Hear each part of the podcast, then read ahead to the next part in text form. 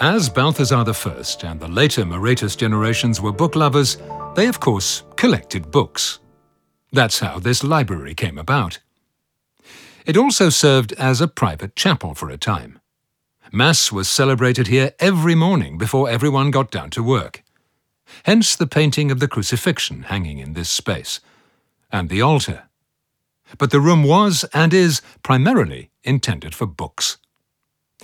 Perhaps it's time to let them have a word. Hello!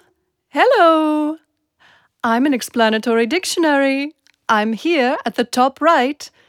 I'd like to wave to you, but that won't work. However, I do contain the word wave somewhere at the back, but I can't do it myself. I'm full of the most beautiful words, though, like muse. That means to daydream. Muse. And hanker. Do you know that word? Another word for yearn.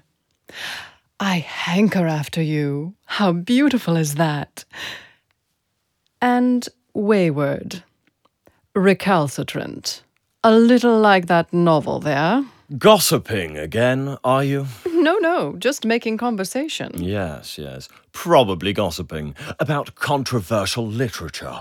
I am a book that swims against the tide. I admit that readily, but at least I am literature. Oh, for God's sake. Did someone call for me? Oh, no, now you've woken the Bible. Hallelujah. Not so, Mr. Bible. I was talking to that crackpot there. Well, thank you for the compliment. It's praiseworthy to take everyone at face value and to be kind to one another. Well, I don't know about that, but what I disapprove of is this odour. Ha! Is that you, dictionary, giving off that dusty smell? Well, I've not been vacuumed yet this month. That's why I smell of dust. Of course you do. They'll come and remove it next week. They'd be better off removing you. There's room for everyone in this house. Brothers, sisters, love is what it's all about. That's right. Fresh body odour is not a bad way to promote brotherly love either. Not so? Well, that kind of twisted logic makes me very obstreperous. Obstreperous? Yes. Peace be with you. At least people still grab a hold of me once in a while in search of an explanation, page after page. True, I can't say the same, but at least I have a more attractive cover than you do. Hmm?